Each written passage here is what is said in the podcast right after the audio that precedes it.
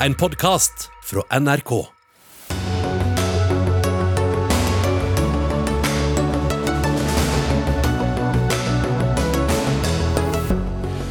Høyeste rentenivå på 11 år, og Norges Bank varsler at de ennå ikke er ferdig med å gjøre det dyrere for boliglånskundene. Statsminister Støre i Sikkerhetsrådet. Det er også Russlands utenriksminister Sergej Lavrov. Den åtte år gamle sykehusstriden i Innlandet kan nå ha fått sin løsning. Der to byer som ville beholde sine sykehus, tapte begge to. Men Hamar-ordføreren, han gir ikke opp. Og 42 år etter den største industriulykken i norsk historie, ber ofrene etter Alexander Kielland-ulykken om kompensasjon. Ja, med Det sier vi velkommen til Dagsnytt 18 denne torsdagen. Jeg heter Espen Aas. Alle gode ting er tre, eller er det det? I alle fall, for tredje gang på rad økte Norges Bank eh, nå renten med et halvt prosentpoeng. Årsaken er stadig den høye prisveksten, som skal ned til 2% og det er under en tredel av dagens nivå. Neira Masic, sjeføkonom ved Prognosesenteret. Du tror at Norges Bank kan bli raskere ferdig med renteøkningene enn de legger opp til selv. Eh, hvorfor det? Jeg tror eh, nedkjølingen i ikke bare norsk økonomi, men i internasjonal økonomi vil bli ganske merkbar i vinter. Eh, og jeg ser ikke for meg at det blir behov for flere renteøkninger i 2023. Så hvor ender vi da etter eh, nivået i dag, hvor vi er på 1,75 på styringsrenten? Jeg tror vi skal opp et halvt prosentpoeng til. Og så tar det litt tid før alle de renteøkningene som har kommet så langt, viser seg gjennom en full effekt i realøkonomien. Ehm, det tar seks uker fra bankene eh, sender ut en melding til kundene sine om at de skal sette opp renten til de gjør det. Det er eh, litt sånn tidslag her. Eh, så jeg tror vi utover høsten kommer til å se effekten av de renteøkningene som har kommet så langt. Og når alt dette her begynner å balle på seg, så tror jeg det på andre siden av nyttår rett og slett vil være behov for færre renteøkninger. Mm. Espen Henriksen, forsker ved Handelshøyskolen BI. Da er det kanskje ikke så verst likevel, da? Jeg tror vel eh, Skal vi tro Norges Bank, og det syns jeg vi skal tro. De er de ekspertene her. Og da er det er ikke åpenbart at vi har greid å slå inflasjonen for denne gang. Altså Inflasjonen kan komme og være her, og vi kan gå veldig tøffe tider imot. Så jeg er ikke like overbevist som eh, Matsic om at dette er den siste store, eller eventuelt den nest siste store renteoppgangen. Mm. Men eh, dette inflasjonsmålet som da Norges Bank styrer mot, eh, hvorfor er det et godt mål å, å styre pengepolitikken etter? Jeg tror det viktigste er å tenke at hva skal jeg si, formålet med inflasjonsmålet, og i motsetning til hva enkelte synes å mene i media om dagen, er at det er nettopp for å sørge for at vi har lav og stabil eh, ledighet. Sørge for at vi har så høy produksjon som mulig i økonomien. Så det er ingen avveining slik enkelte forsøker å fremstille, som en avveining mellom inflasjon på den ene siden, lav inflasjon på den ene siden, og lav arbeidsledighet på den andre siden. Istedenfor er det nettopp slik at vi trenger den et premiss for å få eh, lav arbeidsledighet, for å få høy verdiskapning i økonomien, at vi får inflasjonen ned. Mm. Ja, Masic, eh, som Henriksen påpeker, så har det jo vært flere fremtredende økonomer som har vært ute og sagt at uh, Norges Bank tar i litt for mye. Hva sier du? Jeg er helt enig i at eh, det ikke er noen motsetning mellom eh, å prøve å sikre eh, en inflasjon i nærheten av 2% over tid, og å samtidig gjøre det man kan for å få høy sysselsetting og, og høy produksjon. Jeg ser heller ikke at det er noen motsetning mellom de to. Så mandatet til sentralbanken er jo klart og tydelig. Men det jeg kanskje er litt mer eh, usikker på og spørrende til, er eh, de prognosene for eh, økonomisk vekst som har blitt lagt til grunn, og man har hva skal jeg si, regnet inn effekten godt nok av vinteren. Energimangel, ekstremt høye strømpriser, potensielt energirasjonering. Hva gjør det med store industrinasjoner som Tyskland, der BNP er veldig avhengig av industriproduksjonen? Det kommer til å bli en tøff vinter. Selvfølgelig har sentralbanken veldig flinke økonomer som kan lage bedre prognoser enn noen andre. Eh, men jeg tror rett og slett at eh, det gjenstår å se hvordan vinteren blir, og så gjenstår det å se hvordan effekten av de renteøkningene som har kommet hittil, hvordan det utspiller seg gjennom realøkonomien, og hvordan det påvirker boligmarkedet, og hvordan eh, inflasjonen utvikler seg fremover. Vi har et litt spesielt eh, system for lønnsdannelse i Norge, som jeg tror bl.a. kommer til å føre til at vi ikke får en lønns- og prisspiral med denne norske lønnsmodellen og dette trepartssamarbeidet vi har, som over tid har sikret en moderat lønnsvekst. Jeg kan ikke helt se for meg at vi nå skal få en lønnsvekst som eskalerer eller går opp i himmelen. Jeg tror, eh, og vi ser det også i siste regionale nettverk, inflasjonsforventningene har eh, kommet seg ned fra juni til august, når vi ser på forventninger for neste tolv måneder. Jeg syns vi merker eh, mange tegn til at det begynner å snu, at det begynner å dempe seg, og at det begynner å roe seg ned. Mm. Henriksen, er vi for opptatt av utlånsrenter? Ja, det tror jeg. Eller, ja, jeg tror vi må være like opptatt av innskuddsrente som vi er av utlånsrente. Altså, sånn Omtrent så må det være slik at for hver krone som blir lånt ut, så er det én krone som blir skutt inn. Og jeg tror at i media så er vi ofte veldig opptatt av de som da plutselig får høyere rente, som er lånekunder. Men det er veldig sjelden det er fokus på de nøkterne, forsiktige personene som da heller har spart mye, og som har hatt pengene i, på sparekonto, og som f.eks. under pandemien da tapte veldig mye fordi de da ikke fikk den avkastningen på sparepengene. Jeg tror også det er et problem at vi veldig ofte bare ser på hva skal jeg si, noe sånn for, for bruttotall. Altså vi ser på hva har du i banken og hva har du i, eh, i lån, og ikke se på hva man har i f.eks. pensjonssparing, som ikke kommer så godt frem. Hvis man da hva skal jeg si, konsoliderer disse, så er det ikke åpenbart hvem som faktisk tjener og hvem som taper på renteendringer. Så det er litt viktig å bare ikke være altfor opptatt av å si at liksom, rentenedgang er bra og renteoppgang er ubetinget dårlig. I hvert fall som økonom på siden så kan jeg ikke ta en slik vurdering. Enig Massert? Nei, jeg er ikke uenig med noe her. Jeg vet ikke helt hvordan det var Eh, jeg husker ikke helt hvilke spørsmål han fikk, og hvordan det var relevant for, svar på om, det spørsmålet. Om, vi er for opptatt av utlånsrentene, og eh, om det har stor nok innvirkning eh, på folks kjøpekraft f.eks.? Jeg tror absolutt ikke vi er for opptatt av rentene, men at vi sliter litt med å kommunisere hva en høy rente er, eller hva en lav rente er, det tror jeg vi sliter med. Før pandemien så hadde vi en styringsrente på halvannen prosent. På den tiden så ble det i media beskrevet som en kjempelav rente, historisk lav rente som var stimulerende. Eh, før dagens renteøkning så var styringsrenta på 1,75. Det ble eh, omtalt av enkelte som en renteeksplosjon. Eh, det er 0,25 prosentpoeng som skiller de to rentenivåene. Jeg syns det er et eller annet merkelig i en del eksperter og Eh, media sin fremstilling av hvordan rentenivået har vært. Men at det er viktig, er det jo helt klart. Og så må man heller ikke eh, altså Husholdningenes gjeld i Norge er veldig høy og veldig stor, men ikke for alle husholdningstyper. Det er veldig stor spredning i, eh, i husholdningens gjeld. 15% av husholdningene har ingen gjeld.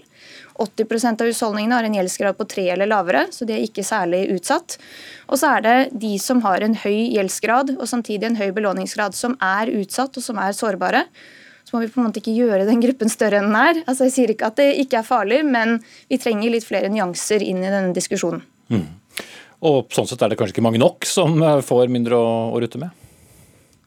Altså det er jo, eller Man er jo da opptatt av å trekke inn kjøpekraft i Norges Bank. altså sånn sentralt i modellene til Norges Bank. Men da er det jo nettopp da at der hvor renta særlig biter, det er de husholdningene som er hva skal si, som både har høy lønn, men også har tatt opp veldig høy belåning. Og som da hvor konsumet, den differansen, virkelig reguleres med renten. Og personlig kan være at jeg er i den gruppen, og jeg vet ikke om slike som meg er de vi skal synes så veldig synd på der når vi da skal snakke om om dette er galt eller dårlig. Mm. Vi er da alltid best på å synes synd på oss selv. Det er takk. en god regel. Tusen takk. takk av eh, Espen Henriksen fra, fra BI og Nere Masic fra Prognosesenteret. Og venner meg til deg, sentralbanksjef Ida Wold Bakke. Ja, da er vi tilbake på 2011-nivå, altså.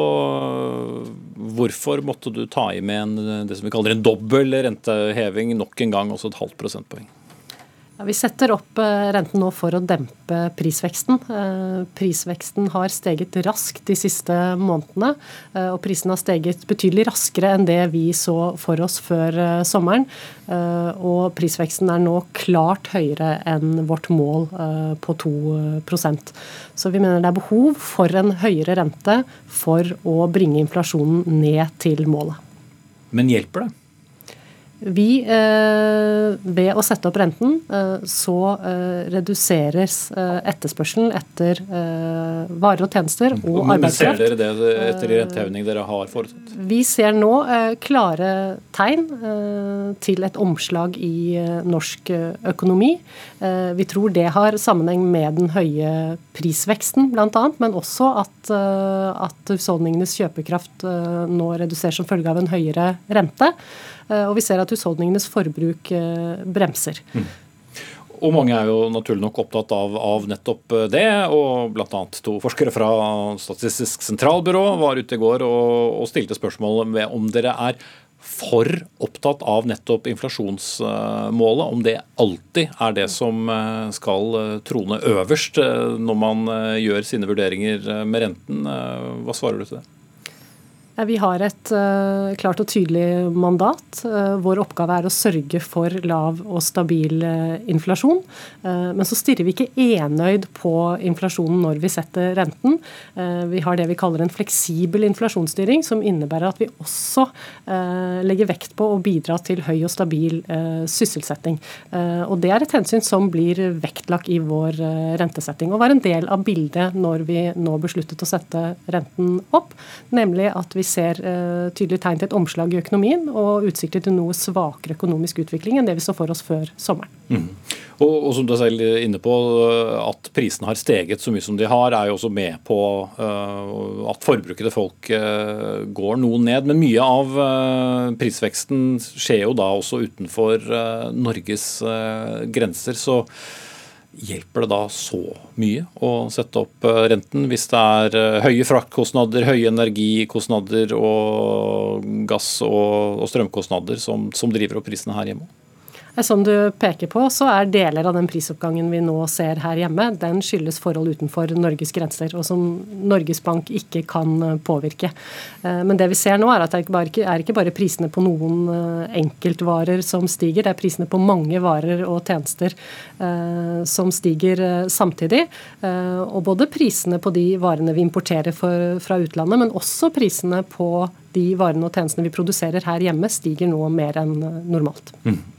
Eh, Masic fra Prognosesenteret her hadde en uh, litt annet bilde på, på, rentebanen fremover enn det dere har uh, lagt frem. Hva er det som må til for at dere holder litt igjen på, på renteøkningen fremover? La meg først få understreke at uh, prognosene våre er usikre, og de er nå mer usikre enn en normalt. Uh, så det videre forløpet for renten det vil avhenge av den økonomiske utviklingen. Men det vi signaliserte i dag, var at styringsrenten mest sannsynlig blir satt videre opp i november. Og så har vi en prognose som bygger på at styringsrenten øker til rundt 3% i løpet av vinteren. Men Prognosene er usikre. Dersom vi skulle få en svakere utvikling i økonomien, eller inflasjonen avtar raskere enn det vi nå ser for oss, ja, da kan behovet for renteøkninger bli mindre. Ok, Da sier vi takk til deg denne omgang, sentralbanksjef Ida Wolden Bakke.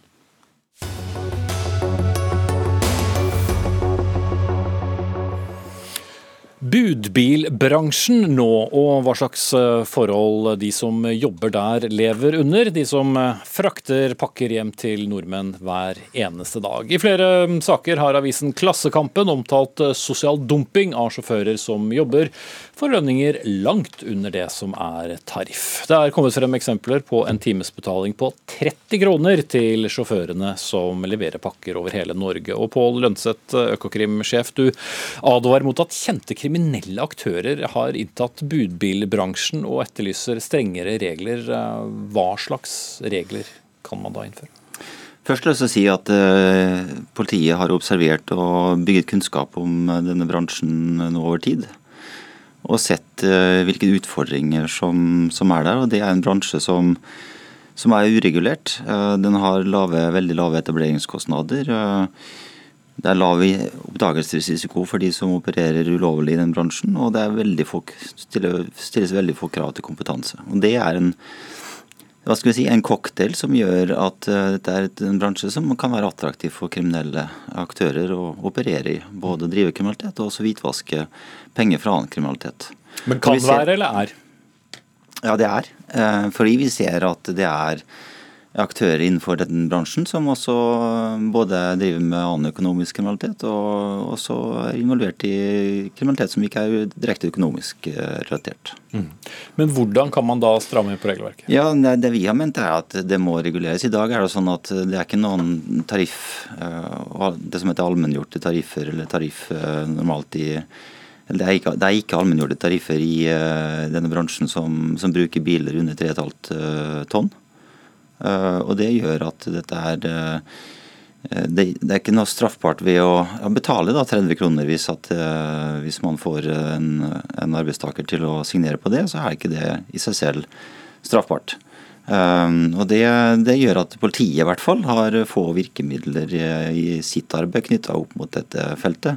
Så vi har foreslått at det skal være en såkalt allmenngjort tariff for disse arbeidstakerne som kjører eh, under 3,5 tonn, og at det skal være en påseplikt, da, som det heter, for eh, innkjøperne til disse, til disse tjenestene. Eh, for, for, de som da bruker disse tjenestene som gjelder av biler under 3,5 tonn. Mm. En, en, form for da ansvarliggjøring av det? Ja, for det er viktig å ansvarliggjøre de som kjøper disse tjenestene, som engasjerer disse, disse sjåførene og disse virksomhetene. Eh, og sørge for at de også gjør sin del av samfunnsansvaret vil jeg si, til å påse at eh, arbeidstakere har et eh, forsvarlig lønnsnivå, som jeg, som jeg tenker at vi alle er enige om at 30 kroner i timen ikke er. Tor Christian Hansten, du er advokat i logistikk og transport i NHO. Hva sier du til Økokrem-sjefens krav om, om strengere, strengere regler i budbilbransjen? Jeg er helt enig med han. Det er veldig viktig at, og, rydde, og viktig at man har ryddige og ordnede forhold og en seriøs eh, transportbransje. Transport er grunnleggende viktig for å sikre innbyggernes eh, behov. og Vi og våre medlemmer vi jobber for at man skal ha seriøse og ordnede forhold, så der har vi felles mål. Det høres ut som det kommer et men her?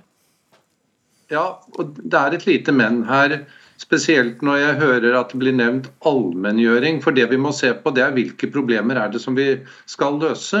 Og så må vi se det i forhold til hva som er formålet og virkeområdet for allmenngjøringsloven. Og så, når vi har sett på de to, så kan man stille spørsmålet er denne loven rett virkemiddel for å løse problemet.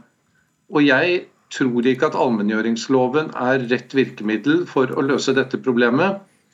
Og Grunnen til det er at Formålet for allmenngjøringsloven er at den skal sikre utenlandske arbeidstakere likeverdige lønnsforhold når de utfører arbeid i Norge. Skal, og så står det man skal unngå konkurransevridning i, i det norske markedet som følge av utenlandske arbeidstakere som opererer i Norge. Men loven skal ikke regulere innenlandske lønnsforskjeller. Og Det som er situasjonen med varebilmarkedet så vidt vi kjenner til, det er at det er, det er nok mange arbeidstakere som er opprinnelig ut, født i utlandet, som kan være, ha utenlandsk opprinnelse, men de har oppholdstillatelse og arbeidstillatelse i det norske marked. Og de utfører arbeid slik at de er norske arbeidstakere. Og da faller de utenfor det som er allmenngjøringslovens virkeområde. Ok, Det blir jo fort litt eh, teknisk dette, men, men du sier det er, eh, altså, det er, feil medisin? Det er feil medisin, feil lov å bruke, mener vi. og Vi, vi ser det er mange tiltak som kan benyttes. og Vi er helt enig med Økokrim at det er tiltak som skal iverksettes, men store, en annen stor utfordring er at det mangles, ja, mangler informasjon. Eh, med den, Hansten, så skal Lønseth få, få svare ut. Ja, altså, Vi er jo ikke så opptatt av om dette er akkurat allmenngjøringsloven, men det er de prinsippene som ligger bak og de virkemidlene som den uh, loven gir, da, uh, som jeg tenker er viktig. Og det er en teknikalitet om du hjemler dette i Eh, gjerne en annen lov. Eh, poenget er at du må ha den virkningen som en allmenngjøring gir, for at vi skal få virkemidler. Mm. Men eh, hva slags ansvar har da de som kjøper alle disse tjenestene? og Særlig under pandemien så har det jo vært en eksplosjon i etterspørsel etter å få brakt pakker hjem. Ja, det er jo en del av utfordringsbildet. Sant? At denne eksplosjonen som kom under pandemien, har også vedvart etter pandemien. Eh, og vi tror den kommer til å vedvare på å ligge på et høyt etterspørselnivå. Og da, da, blir det en stor utfordring som jeg tenker vi som samfunn da må gripe fatt i. og gi, Hvis politiet skal gjøre noe med dette, så må vi ha virkemidlene til å gjøre noe med det. Mm. Og, og Hansten, dere som uh, har da medlemsbedrifter innenfor uh, transport, har dere gjort jobben god nok? Vi, vi, har pekt på flere mulige tiltak som kan iverksettes her. og Vi ser at man kan innføre løyve, man kan innføre HMS-kort, man kan innføre kjøre- og hviletid. og Det har vi gitt uttrykk for at det er noe logistikk og transport positive til at man gjennomfører. Allmenngjøring det tror vi ikke ikke kan gjennomføres innenfor lovens regler. Okay, ja, og andre løsninger som vil være en innføring av en minstelønn i Norge for dette området, der ser vi at både lovgiver og arbeidsgivers parter har så langt vært tilbakeholdne med å innføre minstelønn. Men når man ser at det er lovbrudd, så skal det selvfølgelig reageres. Det må vi prøve å få stoppet, for vi skal ha en seriøs transportbransje. Det er vi alle avhengig av. Mm. Og det som er virkemidlet for å hindre lovbrudd, det er straff. Og Da må også påtalemyndigheten få tilstrekkelig med midler til at de kan følge opp de lovbruddene man oppdager, og kanskje i enda større grad kunne avdekke okay. flere lovbrudd. Einar Håkås, forfatter og journalist. Eh, du har gitt ut boken 'Moderne slaveri i Norge', der du skriver om en rekke bransjer da, som er berørt av sosial uh, dumping. Hva, hva vet du om denne budbilbransjen og forholdene som er der? Jeg vet uh, egentlig ganske mye. Jeg skrev en bok som het 'Advarsel svenske tilstander i Norge' for noen år siden. og da Eh, skrev jeg om eh, gjenger og gjengkriminalitet. Og det jeg så den gangen, var jo at eh, medlemmene av disse gjengene de hadde jo budbilselskaper over en lav sko og drev innenfor budbilbransjen. Og allerede for tre år siden så gjennomførte A-krimsenteret i Oslo en undersøkelse om dette her, og fant akkurat det samme bildet som det Økokrim har gjort nå i den siste rapporten. Mm. Så det er, det er lett å bedrive kriminalitet på samme måte som, som Lønseth har også påpeker? Ja, helt klart. Og det er jo det som er når det gjelder all sånn type kriminalitet, er det at uh, man går inn i næringslivet der hvor uh, gjerdet er lavest. Uh, typisk sånn maleryrke, sjåføryrke på små biler og sånne ting. og driver da hvitvasking, kanskje salg av narkotika i tillegg til pizza og varer og sånne ting. Og det er helt klart at eh, når du får varer gratis hjem på døra, så bør du jo stille et spørsmål om hva slags lønn vedkommende har som kommer med de varene. Og jeg tror det er, det er ganske ille at når du da står der som forbruker da, og bestiller disse tjenestene, så blir du på en måte del av en økonomi som baserer seg på slavelignende forhold. altså. Mm. Ja, Hansten, et så gjennomregulert arbeidsmarked som vi jo strengt tatt har i Norge, som eh, bl.a. NHO er med på det store trepartssamarbeidet. Hvorfor eh, lar det seg åpne slike luker? Du kan si at selve varebilsegmentet, Nå blir det kalt både budbil- og varebilsegmentet, men vi snakker om det samme segmentet. Der er det en utfordring at både arbeidsgiversiden og arbeidstakersiden er i minimal grad organisert. Og Det har de selvfølgelig rett til. Det er en frihet til å organisere som frihet til å ikke være organisert. Men det gir jo arbeidslivets parter mye mindre mulighet til å komme nært på denne bransjen. Og Jeg liker veldig godt det KK sier om at det er uheldig med, med gratis frakt, fri levering. Det finnes ikke noe som heter det. Våre medlemmer de, de, lever av frakt, og de ansatte som kjører bilene, de lever også av frakt. De alle må ha sine penger, og da er det ikke noe som heter fri frakt, gratis levering. Og de som lever i den troen, de er, de er villfarne. Og det er veldig ube, ubehagelig og beklagelig at uh, en del uh, firmaer, spesielt netthandler, opererer med dette begrepet. Mm. Men Håkås, du som har gått inn i det, kan forbrukere i så fall egentlig gjøre noe, utover å selvfølgelig gå og handle i fysisk butikk? Ja, Det er jo det jeg har skrevet om i denne boken. da. Det er jo at uh, vi alle kommer i kontakt med denne virksomheten og disse menneskene som utnyttes grovt i, i arbeidslivet. Uh, og jeg vil jo si det at Vi nordmenn vi ønsker jo å være veldig renhårige og liksom fredsnasjonen Norge som hjelper folk i andre land. Men når dette kommer nær oss, så har vi større problemer med å se det, faktisk. Altså, for dette er, dette er, en del av hverdagen i Norge, og det er en viktig del av økonomien i Norge. Og jeg tror på det å ansvarliggjøre forbrukere, men også, og kanskje viktigst, ansvarliggjøre de eh, bedriftene som kjøper disse tjenestene.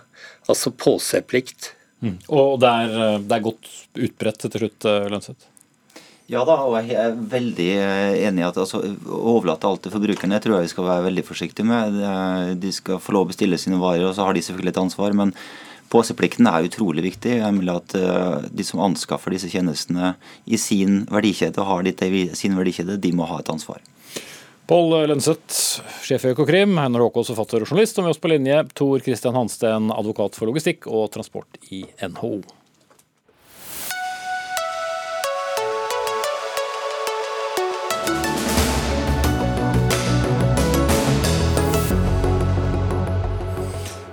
Så til eh, nok en eh, sykehusstrid. Vi skal til eh, Innlandet, hvor styret i dag har gått inn for kompromissforslaget der verken Hamar eller Gjøvik får beholde sine sykehus, men i stedet skal få et nytt sykehus på Moelv i Ringsaker. Rundt 20 minutters kjøring fra begge byer for innbyggere og ansatte. Engasjement det er det mye av rundt det nye storsykehuset, og det har vært stort gjennom mange mange år. Men eh, nå ser det ut som du har tapt her, ordfører i Hamar, Einar Busterud fra by- og bygdelista.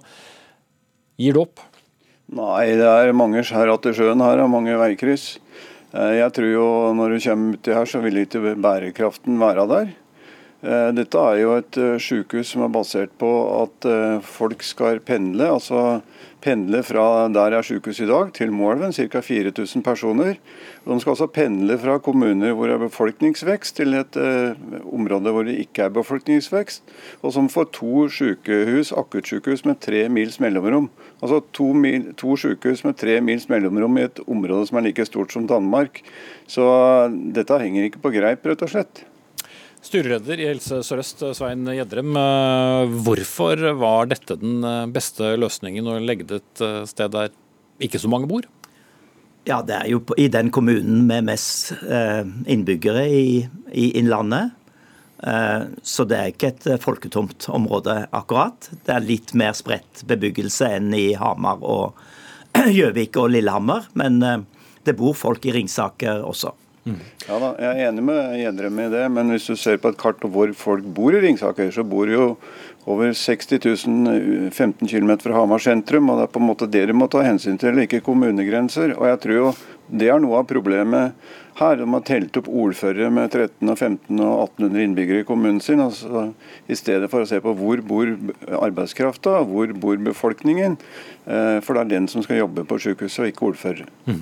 Men eh, det jeg egentlig ville frem til, det, i stedet for å da enten legge det på Hamar eller Gjøvik, så, så flytter dere da ut. Hvorfor eh, er det en bedre løsning enn å beholde det i en av byene? Ja, Det har vært en lang diskusjon eh, om hvor dette skal ligge. Om det skal ligge i en av byene, eller om man skal samle seg et sted litt imellom. Eh, og Etter en lang prosess så har man kommet fram til at det er best å ha det eh, der man nå har kommet frem til å ha det, i Moelv. Det er en fin, eh, fin eh, kombinasjon mellom de å ivareta de hensynene som har vært eh, fremme også av eh, den regionale balansen eh, mellom eh, de ulike byene på, i Innlandet. Mm. Så Det er noe av bakgrunnen for valget. Vi har vurdert også andre alternativer, også et nærmere Hamar. Men det fløy ikke, så nå er alternativet Moelv. Mm.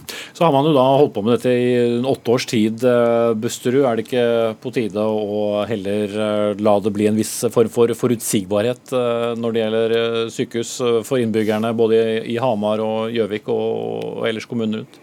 Ja, Dermed korrigere programlederen. Det er vi ikke 8 28 i alle fall. jo, Siste innspurten har vel i hvert fall vært da fra, fra 2016. Det er jo faktisk sånn at eh, de over 100 000 som bor mellom Hamar og svenskegrensa får et redusert sykehustilbud. og Det kan jo aldri være meningen med en Eh, endring av sykehusstruktur. Jeg trodde faktisk man nå hadde lært av Kalnes. Eh, I Østfold? I Østfold, ja. Den tidligere veidirektøren eh, Mo Gustavsen sa til meg en gang at jeg snur hodet vekk hver gang jeg kjører forbi Kalnes. Og det er det grunn til når jeg kjører forbi Målva nå. Det er mellom 8 og 36 millioner ekstra bilkilometer i året, ifølge Helse Sør-Østs egen utredning. Bedre. Ja, Det er ikke grunn til å snakke ned Moelv. Eh, det er et, et, et, sted som eh, ligger mellom byer.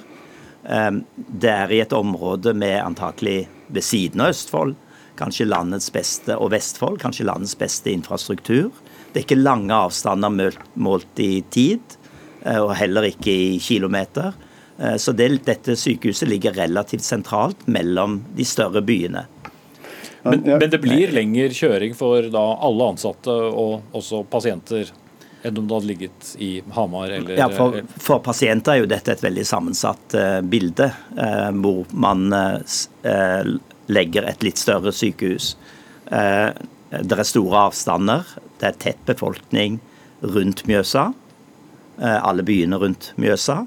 Eh, og dette har eh, en rimelig avstand til alle de store byene. Mm. Så også kommunikasjonsmessig så er dette godt eh, egnet. Og Busserud, du ville jo risikert en god del mer trafikk og infrastruktur da inn i Hamar. Er det ikke bedre å få det ut? Nei, nå er det jo sånn at eh, det er vedtatt nasjonalt at man skal satse på større arbeidsplasser i byene. det er det motsatt som skjer her. Jeg ville sammenligne det litt med å legge Rikshospitalet til Skedsmokorset, for det ligger jo da også midt mellom Oslo og Gardermoen, er, og det er et nasjonalt sykehus, så det er en, sånn sett en god beliggenhet. Ja, Det ble jo en sammenligning, du skal slippe ja. å, å, kommentere ja. på den direkte. Men uh, det er ikke bare for å ha prosessen helt endelig.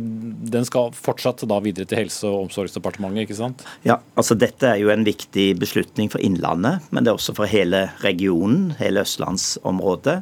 Og disse store eh, beslutningene er jo også av nasjonal betydning. Det skal være likeverdige helsetjenester over hele landet. Dette vil bidra til likeverdige tjenester i Innlandet. Og så koster det mye penger, så det er klart dette er av nasjonal betydning. Eh, og hviler også på medvirkning eh, og forankring i regjering og det politiske styringssystemet vårt. Mm. Bare for å legge til det, da, det jeg syns er veldig synd, og som det også står i Helse Sør-Østs utredning, dette vil være negativt for samfunnsutviklingen i Innlandet, og det vil også være negativt for rekrutteringen av helsepersonell. og Det syns jeg er dumt. Mm. Og Det er en del merknader ved dette forslaget? Jedrem? Ja, det har vært mye diskusjon, eh, og det er mye, mange hensyn å ta. Eh, nå var vi kokt ned til to alternativer. Enten å legge et litt utenfor Hamar eller et nytt sykehus der, men å beholde sykehusene i alle byene. eller eller lage et noe større sykehus litt midt imellom de større byene. Og I den vurderingen så er det ikke tvil om hva som kommer best ut. Det er å lage et litt større sykehus mellom de store byene.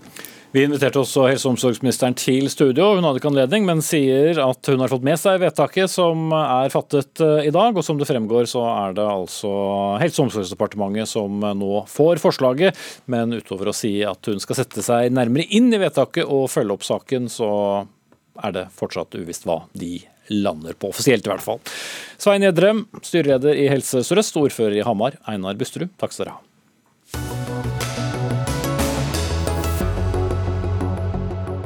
Ja, dette er eh, Dagsnytt 18. Vi er litt over halvveis i sendingen. Senere i sendingen demonstrasjonene i Iran tiltar i styrke etter at en 22 år gammel kvinne døde i varetekt eh, hos det iranske såkalte moralpolitiet. Vi får med oss NRKs Midtøsten-korrespondent litt senere i sendingen. Men det blir utenriks nå også, for statsminister Jonas Gahr Støre gikk eh, kraftig til angrep på Russland da han talte i FNs sikkerhetsråd i dag. Et grovt brudd på folkeretten kalte han krigen, og ba landet avslutte den umiddelbart.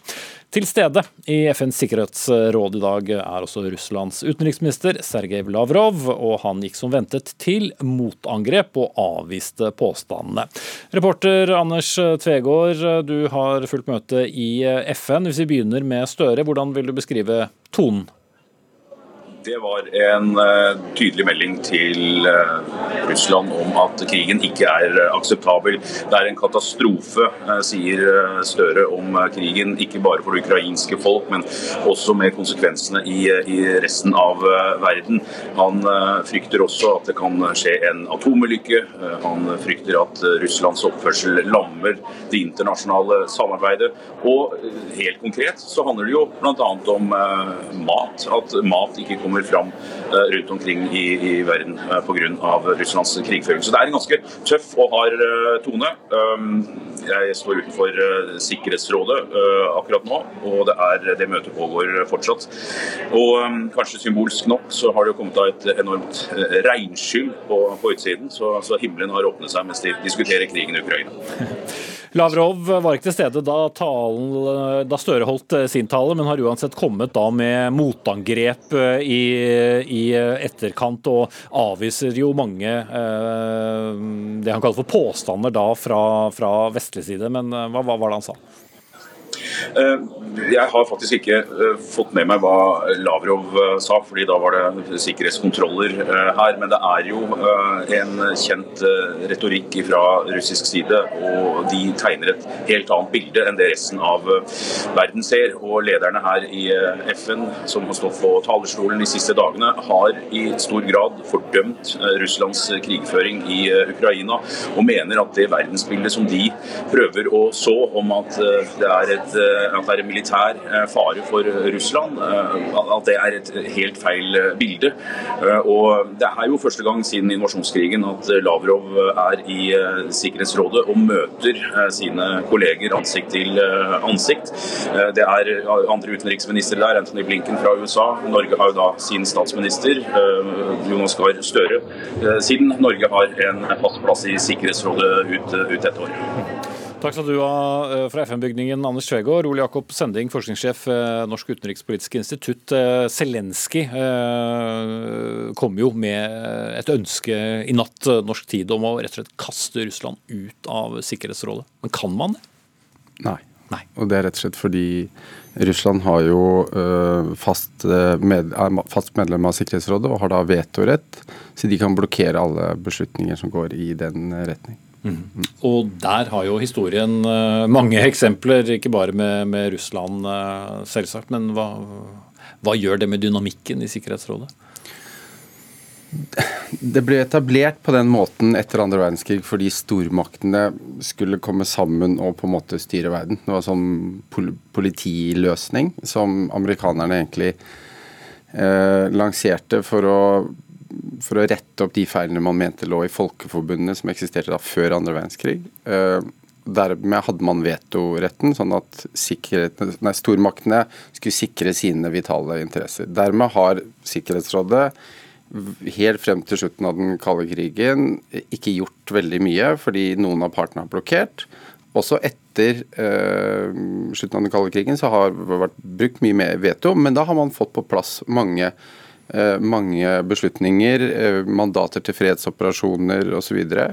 Eh, og fortsatt, fortsatt faktisk etter at krigen startet, på noen på noen områder da sammen med Russland eh, og Kina på forlengelser av mandater til allerede eksisterende fredsoperasjoner og humanitær bistand. Så det er ikke slik at legitimiteten nødvendigvis eh, vil svekkes merkbart da, selv om en aktør i en eh, krig, som, som Russland er i dette tilfellet, også kan blokkere så mye det vil? Nei, fordi Altså, Russlands posisjon her er kjempe... Jeg så alle de innleggene som dere refererte til, og som Anders Tvegård nevnte. Både Lavrov, Blinken fra USA og Guterres, altså FNs generalsekretær.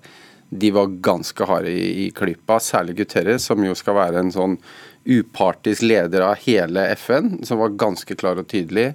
Eh, direkte kritikk mot Russland og ganske mye fokus på etterforskning av eh, krigsforbrytelser. Eh, så legitimiteten til Sikkerhetsrådet tror jeg ikke ligger så mye der.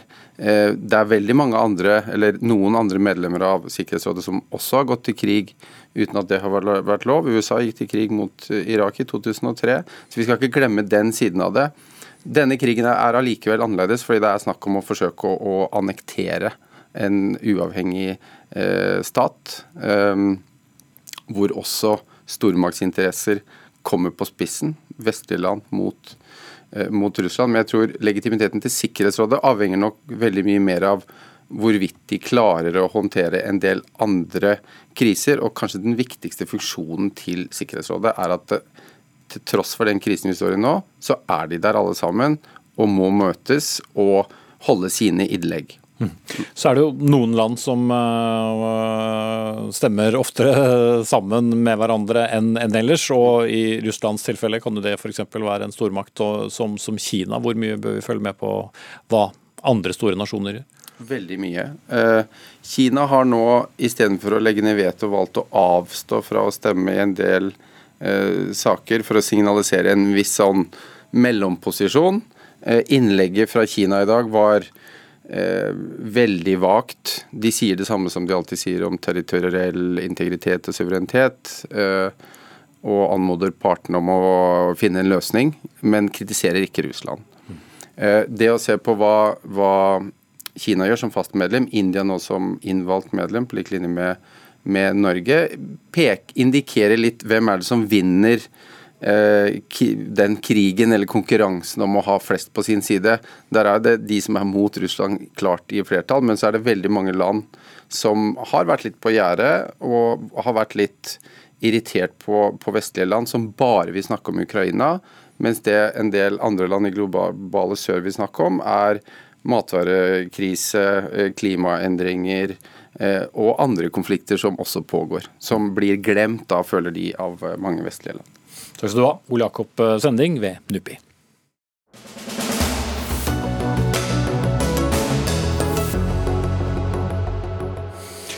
En uh, mulig og mye omtalt uh, oljeutbygging nord i Barentshavet seiler opp som uh, et stort politisk klimaslag denne høsten. Wisting-feltet er det største prosjektet på norsk sokkel, og er omstridt bl.a. fordi det ligger langt fra land i et sårbart naturområde. Og Det er også en diskusjon rundt hvorvidt dette er lønnsomt. Utbygger Equinor har varslet at en såkalt plan for utbygging og drift skal komme nå før jul. Astrid Hoem, leder av AUF, altså Arbeiderpartiets ungdomsorganisasjon. Du sa til oss for sending at kampen mot Wisting-feltet er tiårets største klimakamp. Da er jo fallhøyden stor hvis dere skulle tape? Ja, og det er en kamp jeg mener at man er nødt til å vinne. Det er fordi at Wisting-feltet både det vil bli det nordligste oljefeltet i verden. Det er et naturområde som er veldig sårbart. I tillegg så vet vi allerede fra før at vi har funnet mer enn nok olje enn vi kan forbrenne hvis vi skal nå målene vi har satt oss og klimaforpliktelsene våre. Men ikke minst også at lønnsomheten i det ville ikke vært dersom ikke Stortinget hadde vedtatt en oljeskattepakke som gjør det her feltet lønnsomt. Og Da ser jeg jo ingen grunn til hvorfor vi skal åpne et felt som er såpass langt nord som er dårlig for naturen, dårlig for klima, men heller ikke vil være samfunnsøkonomisk lønnsomt.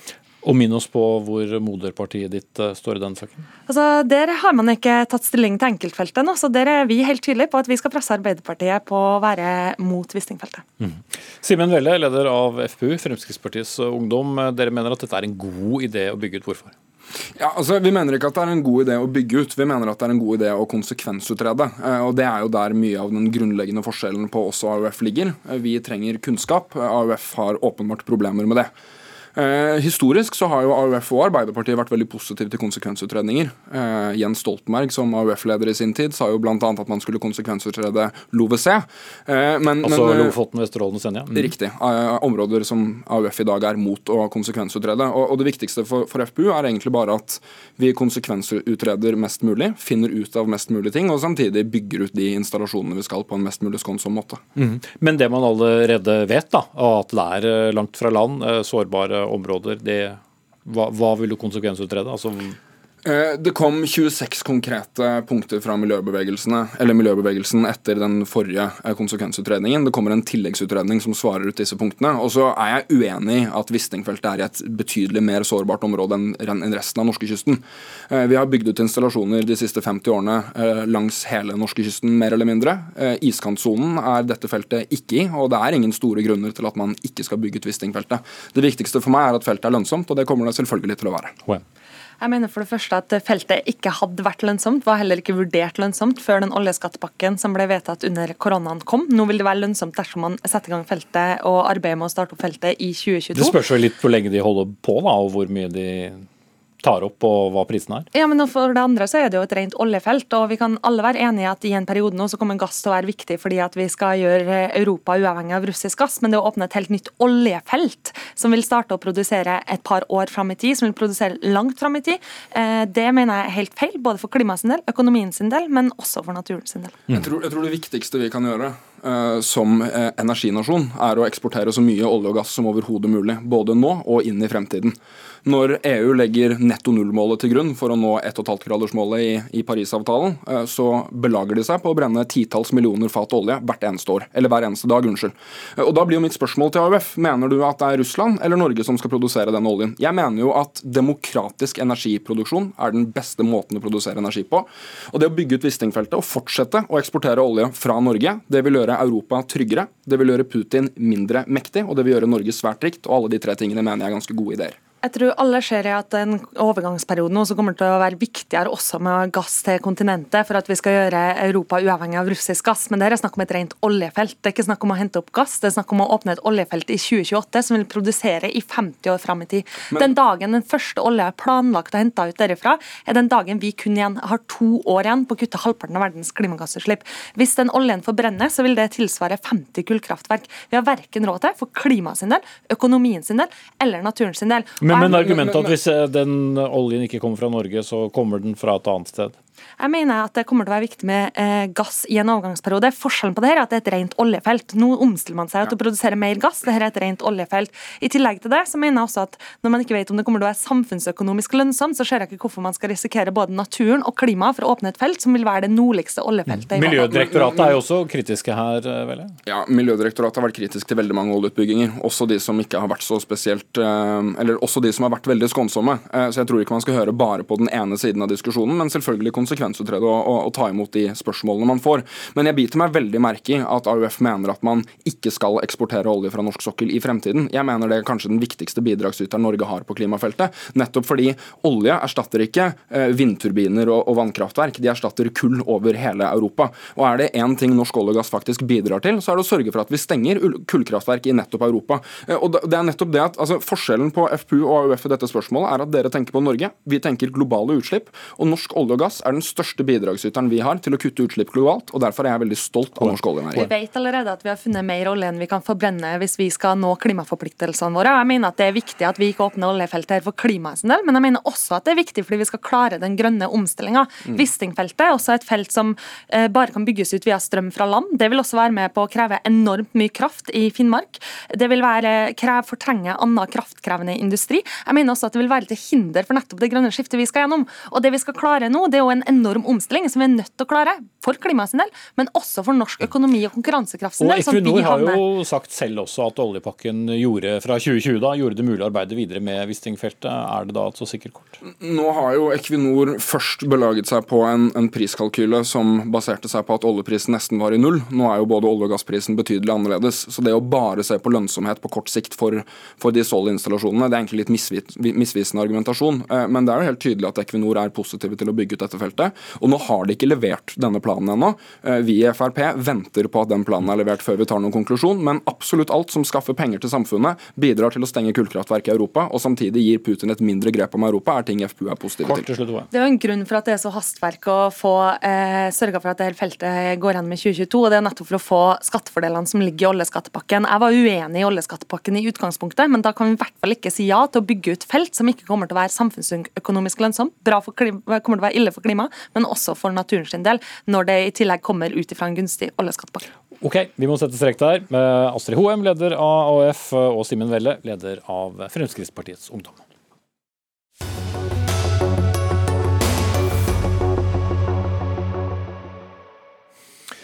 I dag, mer enn 40 år etter Alexander Kielland-ulykken, overleverte etterlatte og overlevende et krav til regjeringen om en statlig kompensasjonsordning for alle berørte. 123 personer omkom da oljeplattformen kantret i Nordsjøen 27.3.1980. 89 overlevde ulykken.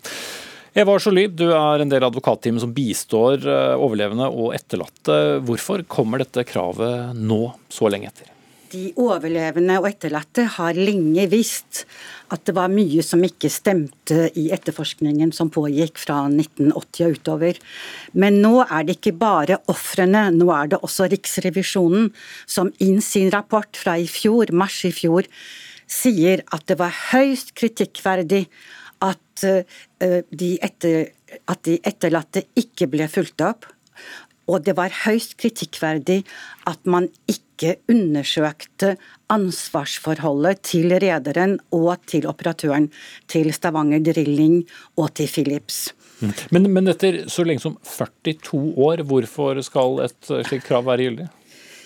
Fordi eh, lidelsen har økt ved hemmeligholdet, ved at det ble lagt lokk på uh, mange opplysninger. Og det at man ikke forsøkte å finne ut at her har det vært uh, grov uaktsomhet fra reder og operatør. Og om man hadde visst det den gangen, så hadde man hatt erstatningskrav av en helt annen dimensjon enn det man faktisk hadde. Slik at uh, det etterlatte ble fratatt sine demokratiske rettigheter ved hemmelighold og helt uforståelige hull i etterforskningen. Anders Helligsen, du er nestleder i det som heter Kielland-nettverket, som består av overlevende og etterlatte, og du var også på plattformen da den kantret for år 42 år siden. Er det det symbolske eller økonomien som er det viktige her? Det er rettferdighet for alle de som har lidd opp gjennom alle disse årene. Jeg har jo mange ganger hatt møte med ofrene eh, etter etter ulykken. Og det er så mange skjebner som til dags dato sliter etter ulykken. Eh, så hovedgrunnen til at vi, eh, vi går der vi går nå, det er pga. at vi, skal, vi må ha, ha, rettferdighet. Og vi sammenligner oss jo med dykkersaken. Pion, så nordsjødykkerne? Ja. ja. Mm. Men, men, belastningen altså Det er jo blitt gått noen runder her opp gjennom årene allerede. Belastningen med å skulle gå enda en runde, er ikke den eh, større? I Kielland-nettverket så sendte vi ut uh, en forespørsel til uh, alle medlemmene våre uh, på hva vi skulle gjøre når vi startet Kielland-nettverket i 2017. Og 90% stemte for at vi skulle jobbe videre med den saken. Så, så det, er, det, er, stor enighet om, om, det vi gjør eh, fra styrets side. Og vi har jo årsmøter eh, hvert år og får veldig gode tilbakemeldinger på det vi gjør. Mm. Kravet er da overlevert til regjeringen via statsministerens kontor, som selvsagt ble invitert eh, til Dagsnytt 18, men de hadde ikke anledning, som det heter seg. Men Eva Jolie, som den erfarne juristen du selv er, hvordan vurderer du muligheten for å få gjennom kravet? Altså, Vi har jo presidensen til, til nordsjødykkerne. Eh, det var også lenge etter eh, årsaksforholdet. Og her har det vært veldig grove feil fra myndighetens side som har forsinket oppklaringen. Og det har medført tunge økonomiske konsekvenser som faktisk kan repareres.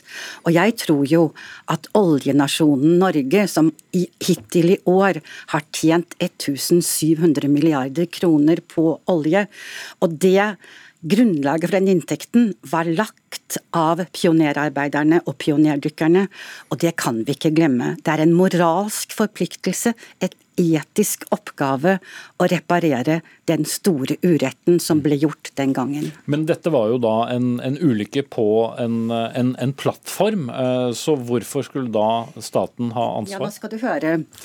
En ulykke på en plattform, var det bare stormen og bølgene? Eller var det det at man hadde neglisjert å reparere en sprekk i et stag man faktisk visste om. Fordi vi har nå en minnebank, og vi har seks eh, personer som vitner på at uh, kapteinen kjente til sprekken, at han hadde rapportert den til rederen, at det var planlagt å reparere denne sprekken, men det var så planlagt at en ny plattform skulle komme og overta eh, etter Alexander Kielland. Den ble forsinket, og Alexander Kielland hadde et nytt oppdrag på eh, engelsk sokkel, og rederen valgte Og, jo, jeg, jeg kjenner den nei, historien, jeg, men hvor, kan- hvorfor er staten den som skal være det, det tror jeg ikke de kjente til. Jo, staten altså det, For her tok rederen valget fortjeneste istedenfor sikkerhet. Og staten er ansvarlig fordi etterforskningen bare gikk på den tekniske sveisefeilen. Og det er imot det mandatet som Granskekommisjonen hadde, fordi det står i sjøfartsloven av 1903 at det er et generelt mandat for å se på ansvarsforholdet. De så ikke på ansvarsforholdet. Riksadvokaten hadde sendt et brev til påtalemyndigheten i og bedt om at bevismaterialet skulle beslaglegges. Bevismaterialet ble ikke beslaglagt. Loggbøkene er borte. Ukerapportene har forsvunnet, og ingen har startet en efterforskning på noe så kriminelt som å unndra bevismateriale i en så stor ulykke. Likevel så kom det da en beklagelse i fjor Heliksen, på den mangelfulle oppfølgingen da, som, som både dere overlevende og, etterlatte har eh, fått. Eh, Er det ikke anerkjennelse nok? Nei, det er det ikke. Vi har jo sendt tidligere et brev til, eh, til både presidenten og statsministeren hvor vi også har bedt om å få altså ikke bare en unnskyldning fra salen, et samla storting som ber om, eh, ber om unnskyldning, men vi må ha Alle må få en, et brev fra, fra regjeringen med en unnskyldning. Jeg vet at folk gjerne vil ramme det inn på veggen. for eh, det det, er, det er de håndfaste bevisene som vi kan få på at det er en unnskyldning, ikke bare et sånt full fart vedtak i, i, Stortinget, og så glemmer de alt sammen etterpå. Så folk forventer å få en ordentlig skriftlig uh, unnskyldning fra, fra, Stortinget og regjering. Med en kompensasjon? Ja, det kommer jo i tillegg. Men vi har ikke fått noe svar på det ennå, så derfor har vi nå overlevert uh, det brevet til, uh, til SMK i dag. Mm. Statsministerens kontor altså, for ja. dere som ikke kan det. Men det kan vel de fleste som hører Dagsnytt 18. Jeg må sette strekk der. Anders Helliksen, nestleder i Kielland-nettverket, og Eva Jolie, som er en del av advokatteamet som bistår de overlevende her.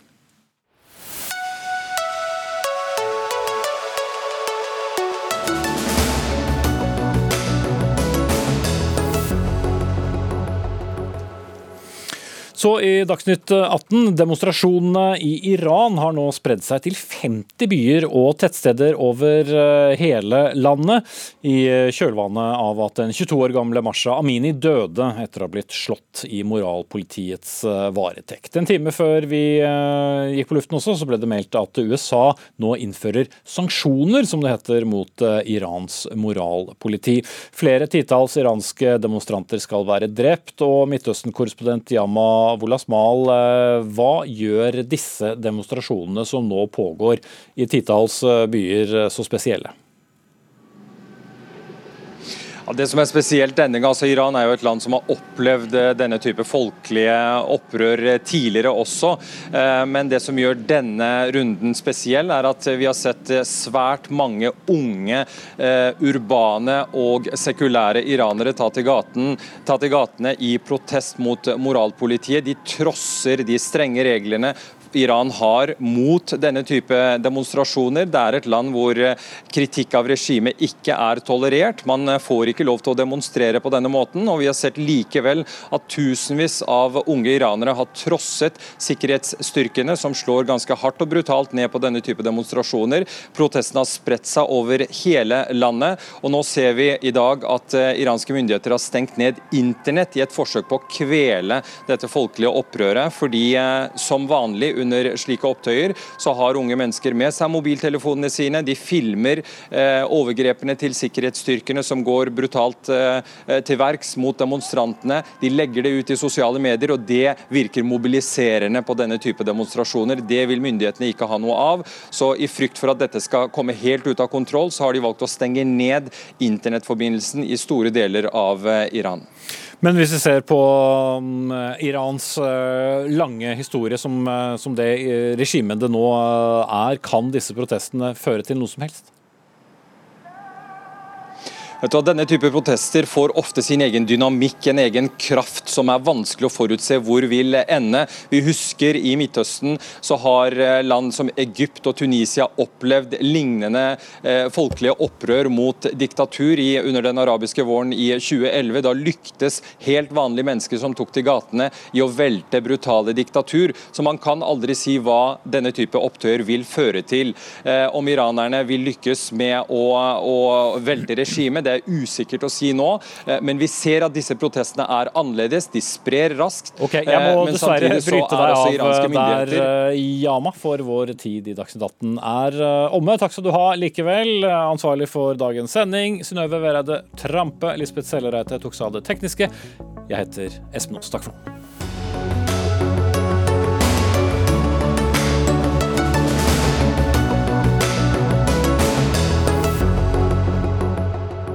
Du har hørt en podkast fra NRK. Hør flere podkaster og din favorittkanal i appen NRK Radio.